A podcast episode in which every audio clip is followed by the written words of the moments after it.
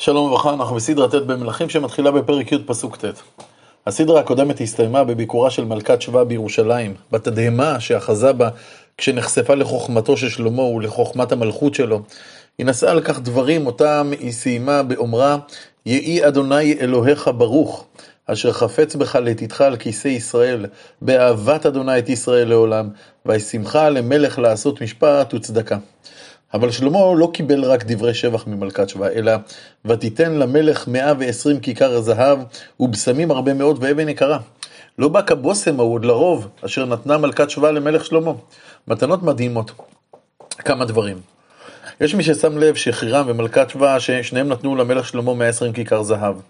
זה כמות אה, אדירה של זהב. והם רצו לומר שיש פה בעצם מאבק בין חירם לבין מלכת שבא על השליטה במסחר. חירם רוצה לשתף פעולה עם שלמה בשליטה על המסחר העולמי, שכל כל מה שבא מאפריקה ומהודו, וזה על ידי בנייה של אה, צי אה, האוניות. שיוצא מאפריקה ומגיע לאילת, ומשם בעצם מובילים את הסחורות לחופי הים התיכון. מצד שני, מלכת שבא רוצה שהמסחר הזה ייפסק, כי הוא בעצם הורס את השליטה שלה בדרכי המדבר, ובעצם כל אחד מנסה למשוך את אה, שלמה לכיוון שלו. אם אכן אה, ככה הם הדברים, נחלקו אלה שסוברים כך שבעצם עם מי שלמה בסופו של דבר הולך, האם הוא הולך עם מלכת שבא או עם חירם. אני לא רוצה להתעכב על כך. אה, צריך להעיר נקודה מאוד מאוד חשובה, שלמה מתואר כאן בצורה שמאוד מאוד תואמת את הנבואות על משיח בן דוד. אצל ישעיהו הנביא אנחנו רואים שמתוארת ירושלים, שנכון הר, בית, בית, בית השם, הר בית השם יהיה בראש גויים, ונהרו אליו כל גויים, ו...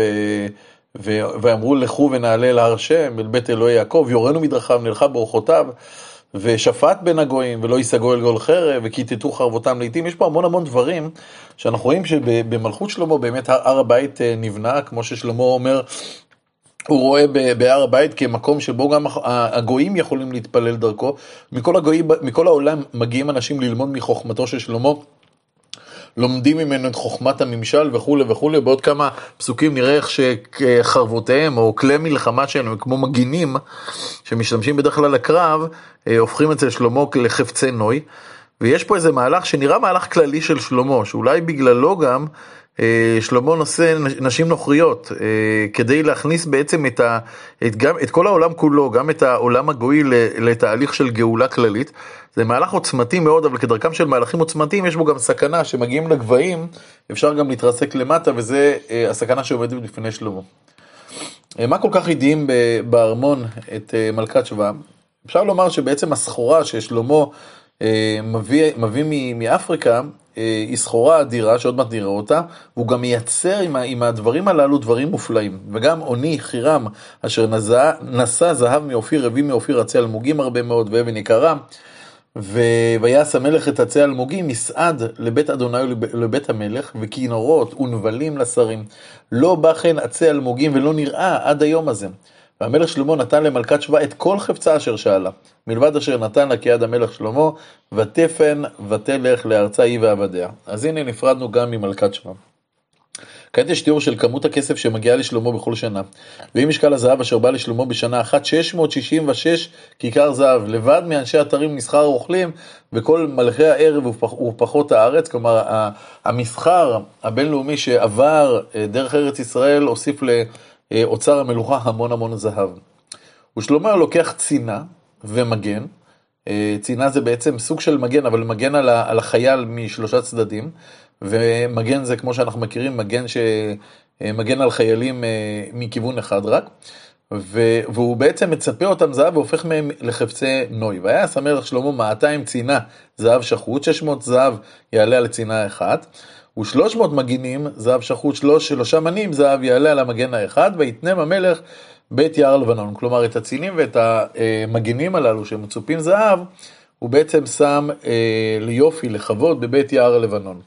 יש מחלוקת מה זה זהב שחוט שהוא שם על המגינים, האם זה זהב רך כדונג או זהב קשה באופן מיוחד, זה בטוח זהב איכותי. יש פה בפרשיות הללו כמה תיאורים של זהב, יש אה, זהב שחוט וזהב מופז ו, וזהב סגור, כל אחד מהסוגים הללו היה לו ייחודיות משלו, הצד השווה שבכולם, שכולם היו איכותיים. ויעש המלך כיסא שן גדול, כלומר משן של פילים, ויצפהו זהב מופז. עכשיו לכיסא, לכיסא המלך היו אה, שש מעלות, מדרגות. שש מעלות לכיסא וראש עגול לכיסא מאחריו, וידות מזה ומזה אל מקום השבת, ושניים אריות עומדים אצל הידות. כנראה שלא עמדו אריות אה, משני, אה, אמיתיים משני צידי הכיסא, אלא אריות זהב. המהר"ם מרוטנבורג גם פשוט שלו דן בשאלת האיסור ליצור פסל, שלכאורה אה, מופר כאן, ושם הוא מתרץ כדרכו. אבל לא רק אריות זהב עמדו בצידי הכיסא, אלא על כל מדרגה ומדרגה היו שני אריות זהב. ושני, ושנים עשר ארעים עומדים שם על שש המעלות מזה ומזה, לא נעשה כן לכל ממלכות. הזהב לא, לא שימש רק את כיסא המלוכה ואת הבית, אלא אפילו לכלי האכילה הוא הגיע. וכל כלי משקה המלך שלמה זהב, וכלו, וכל כלי בית יער הלבנון זהב סגור.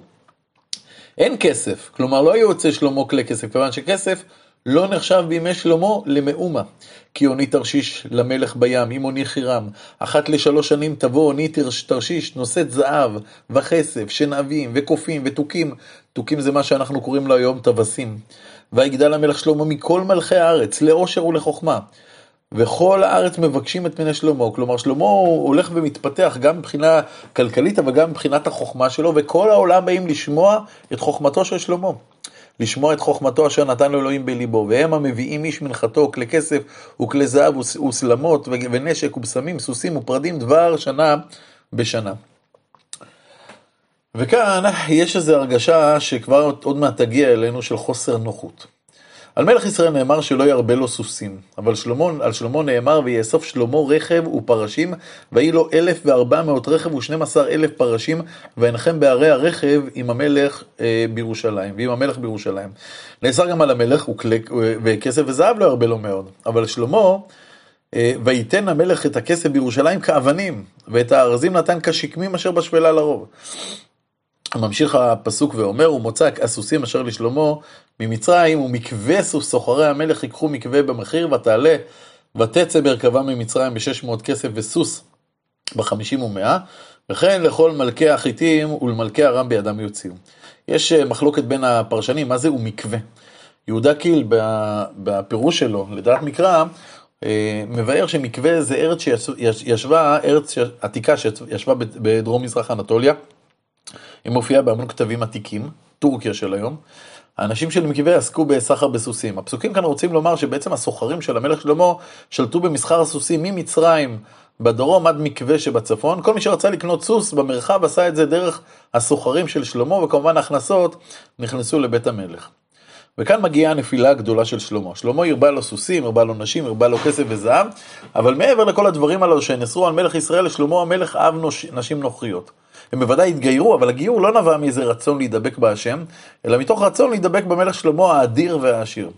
לכן הפסוקים מכנים אותם לנשים נוחיות. והמלך שלמה אהב נשים נוחיות רבות, ואת בת פרעה, מואביות, עמוניות, אדומיות, צדניות, חיתיות, מן הגויים אשר אמר אדוני אל בני ישראל, לא תבואו בהם, והם לא יבואו בכם, אכן יטו את לבבכם, אחרי אלוהיהם, בהם דבק שלמה לאהבה. חז"ל מבארים ששלמה סבר שכיוון שהתורה אוסרת אמנם על ריבוי נשים, אבל היא מסבירה גם, היא נותנת טעם שלא יטו את לבבו, אז שלמה חשב, אני הרבה, אבל את לבבי הם לא יטו, ולכן לכן זה יהיה בסדר, אבל שלמה נכשל. והיו לאנשים שרות 700 ופילגשים 300, ויתו נשיו את לבבו, זו כמות אדירה של נשים, אני מתאר לעצמי שהוא לא ניהל שיחה אישית עם כל אחת כל יום. ויהי לזקנת שלמה, נשב ויטו את לבבו אחרי אלוהים אחרים, ולא היה לבבו שלם עם אדוני אלוהיו כלבב דוד אביו. וילך שלמה אחרי השטורת, אלוהי צידונים, ואחרי מלקום, שיקוץ המונים. ויעש שלמה הרע בעיני אדוני, ולא מילא אחרי אדוני כדוד אביו. אז יבנה שלמה במה לכמוש, שיקוץ מואב, בהר אשר על פני ירושלים. הוא בנה בית לעבודה זרה, הוא למולך שיקוץ בני עמון. זה נורא, נאמר פה ששלמה בונה בתי עבודה זרה, הולך אחרי עבודה זרה. וכן עשה לכל נשיו הנוחיות, מקטירות, מזבחות לאלוהיהם. עכשיו יש פה משהו שהוא לא מובן. מצד אחד מסופר ששלמה עובד עבודה זרה, מצד שני הכתוב שהוא מגדיר את המצב של שלמה, הוא אומר, ולא היה לבבו שלם עם אדוני אלוהיו, כלבב דוד אביו. עכשיו אם שלמה עובד עבודה זרה, איך אפשר לומר עליו שלבבו לא היה שלם כלבב דוד? הרי לבבו זונה אחרי אלוהים אחרים. יש פה בפסוקים מנגינות שונות וסותרות, ולכן חז"ל מלמדים שחס ושלום לומר ששלמה באמת עבד עבודה זרה. אלא נשיו הלכו אחרי עבודה זרה, בנו אה, בתים לעבודה זרה, ושלמה לא מיכה בידם. וכיוון שהוא לא מיכה בידם, מעלה עליו הכתוב כאילו הוא עשה. אגב, במצב הזה שאדם אחד חוטא והכתוב משתף אדם אחר בחטאו, מופיע פעמים רבות. למשל, החאן מועל בחרם, אבל השם אומר שכל ישראל מעלו. גם פה זה היה כך. נמשיך. העונש מאת השם לא מאחר לבוא, והשם גוזר לפלג את הממלכה אחרי מות שמו, אה, שלמה. ויתנף אדוני בשלמה, כי נטל לבבו מעם אדוני אלוהי ישראל, הנראה אליו פעמיים. הקדוש ברוך הוא התגלה אליו פעמיים בנבואה גדולה, וציווה אליו על הדבר הזה לבלתי לכת אחרי אלוהים אחרים, ולא שמר את אשר ציווה אדוני. ויאמר אדוני לשלמה, יען, אשר הייתה זו עמך, ולא שמרת בריתי וחוקותיי, אשר ציוויתי עליך, כרוע אקרא את הממלכה מעליך ונתתיה לעבדיך. אך בימיך לא אעשנה, למען דוד אביך, מיד בנך אקראנה. כלומר, אני לא אקרא את הממלכה בימיך, אני אעשה את זה רק לבנך שיקום אחריך. רק את כל הממלכה לא אקרא, שבט אחד אתן לבניך, ולמען דוד אבי, עבדי, ולמען ירושלים אשר בחרתי, אני לא אקרא לחלוטין את הממלכה מבנך, אלא אשאיר לו שבט אחד. והשלום המופלא שהשיג שלמה החל להתערער, שהשם מקים אויבים לשלמה אה, עוד בחייו. הראשון זה הדד האדומי שהיה מזרע המלך אדום, ויקם אדוני שטן לשלמה את הדד האדומי מזרע המלך, הוא באדום. וכעת הכתוב מספר לנו את ההיסטוריה של הדד, שמתחילה עוד בתקופת דוד במלחמה של דוד באדום. ויהי ביות דוד את אדום, בעלות יואב, שר הצבא לקבר את החללים, ויח כל זכר באדום. כי ששת חודשים ישב שם יואב וכל ישראל עד אחרית, הכרית כל זכר באדום. בימי דוד יואב היכה את אדום, והרג מהם הרג רב במשך שישה, שישה חודשים. ויברח הדד הוא ואנשים אדומיים מעבדי אביו, איתו לבוא מצרים, והדד נהר קטון. ויקומו מדיין ממדיין, ויבואו פרן, ויקחו אנשים עמם פרן, ויבואו מצרים אל פרעה מלך מצרים, וייתן לו בית ולחם, אמר לו, וארץ נתן לו. כלומר, הדד, אה, שכמובן היה, אה, כמו שאמרנו, ממשפחת המלוכה האדומית, מוברח למצרים, ושם מלך מצרים נותן לו מחסה. וימצא הדד חן בעיני פרעה מאוד, וייתן לו אישה את אחות אשתו, אחות אה, תחפנס הגבירה. הדד מאוד מוצא חן בעיני פרעה, שהוא נותן לו לאישה את אחות אשתו, שיולדת להדד בן, בבית פרעה, והוא גדל בבית פרעה. ותלד לו אחות תחפנסת גנובת בנו, ותגמלו תחפנס בתוך בית פרעה, והיא גנובת בית פרעה בתוך בני פרעה, הוא, הוא, הבן של הדד גדל עם הבנים של פרעה. לאחר מותו של דוד ויואב, הדד מבקש מפרעה לחזור לביתו. והדד שמע במצרים כי שכב דוד עם אבותיו וכי מת יואב שר הצבא, ויאמר הדד אל פרעה שלחני ואלך אל ארצי. ויאמר לו פרעה, כי מה אתה חסר עמי, והנך מבקש ללכת אל ארצך? פרעה אומר לו, למה? מה, מה רע לך אצלי? ויאמר לו, כי, כי שלחת שלחני, הוא מתעקש.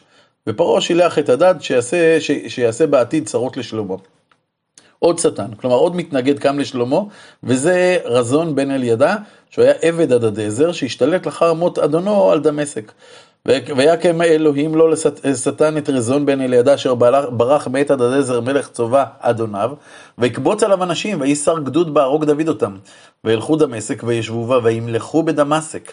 ויהיה לישראל כל ימי שלמה, ואת הרע אשר הדד, אשר, אשר הדד ויקוץ בישראל, וימלוך על ארם.